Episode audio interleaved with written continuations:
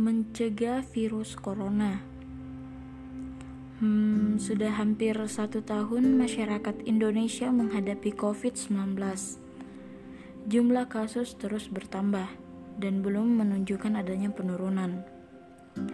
Banyak dari masyarakat Indonesia yang mulai lelah, jenuh, sehingga banyak sekali warga yang berkumpul dan beraktivitas kembali.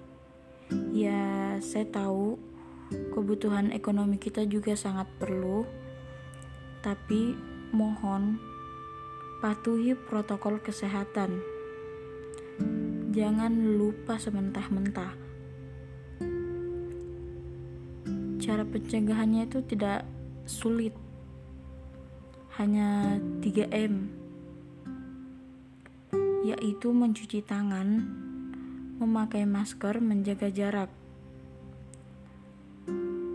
dan kita harus tahu pentingnya melakukan 3M untuk menjaga diri kita dan keluarga agar terhindar dari COVID-19.